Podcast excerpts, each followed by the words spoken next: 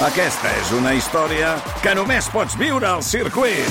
24, 25 i 26 de maig. Gran premi Monster Energy de MotoGP al circuit de Barcelona, Catalunya. Compra ja les teves entrades a circuit.cat. Viu-ho! Agafa el tren amb Renfe i visita l'estació del Chelsea Hotel per gaudir de la història d'una nova cançó a RAC més 1. Amb Olga Suanya, el podcast on les cançons lliguen amb la història.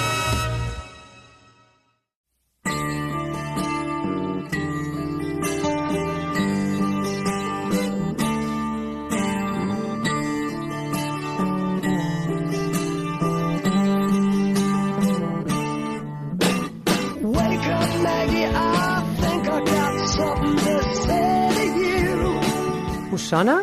Segur que sí. És la inconfusible veu trencada de Rod Stewart interpretant un dels seus grans clàssics, Maggie May.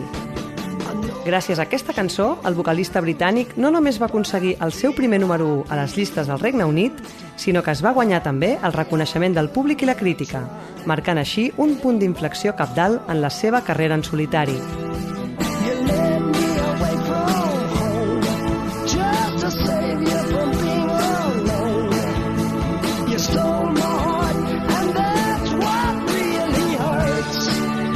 Maggie May es va llançar a la primavera de 1971 com un dels singles del tercer àlbum de Rod Stewart com a solista, un treball titulat Every Picture Tells a Story i que està considerat com un dels millors de la seva discografia.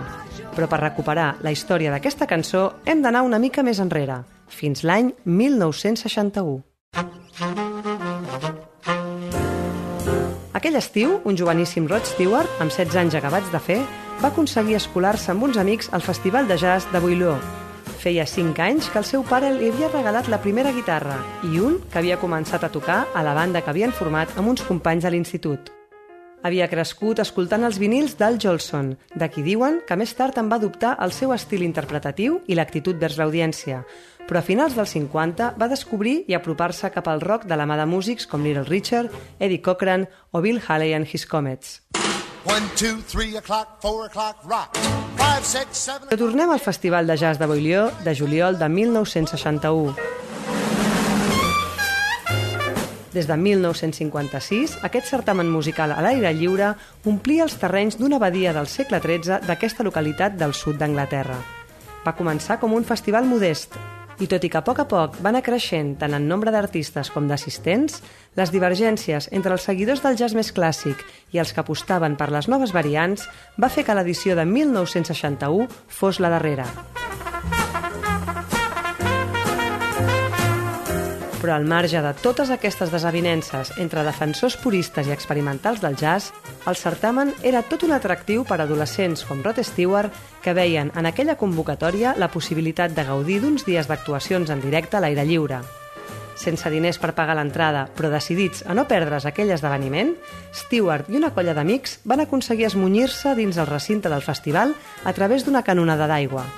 Anaven disposats a passar un cap de setmana de música i festa, però més que de les actuacions d'aquells dies, el record que Rod Stewart es va endur d'aquella edició del festival va ser una experiència personal. I és que allà, en una tenda de campanya, va ser on va perdre la virginitat amb una dona força més gran que ell. She was a big girl, period. And she dragged me into her tent, and this was the middle of the afternoon, and the deed was done. Segons va reconèixer també, va ser una experiència molt breu i un pèl decepcionant. Però d'aquell episodi, una dècada més tard, en va treure la inspiració per escriure Maggie May.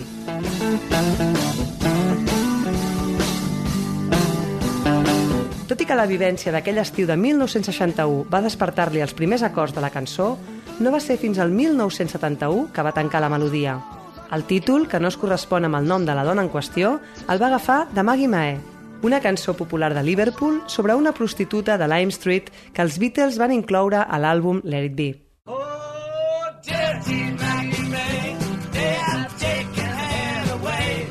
Stewart li va agradar el joc de paraules que el cognom May planteja en anglès en referència a la forma condicional que implica. I en els seus concerts sovint presenta la cançó dient This is Maggie May, sometimes she did, sometimes she didn't. És a dir, això és Maggie May, de vegades ho va fer i de vegades no. En les darreres dècades, Maggie May ha estat versionada en nombroses ocasions en diferents estils i llengües. Artistes tan dispars com Blur, The Pogues, Melissa Etheridge o fins i tot els espanyols M-Clan han gravat les seves interpretacions personals del tema.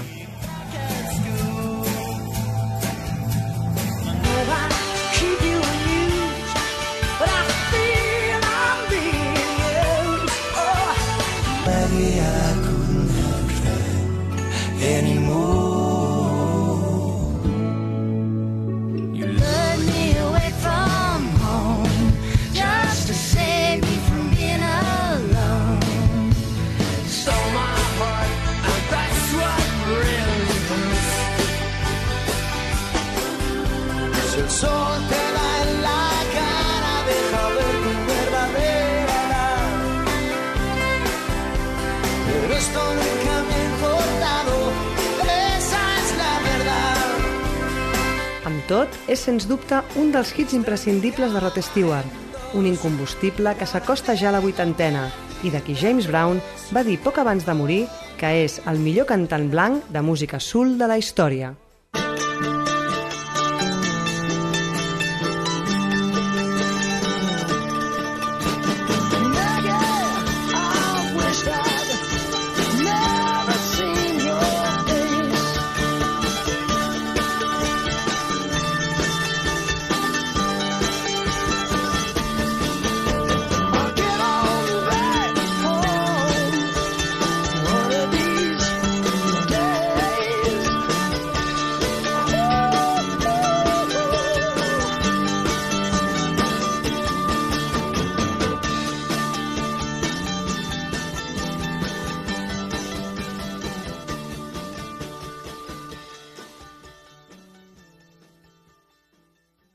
El tren de Renfe, amb parada a Chelsea Hotel, reprendrà el seu viatge i tornarà dissabte que ve amb noves cançons a RAC més 1, amb Olga Suanya, el podcast on les cançons lliguen amb la història.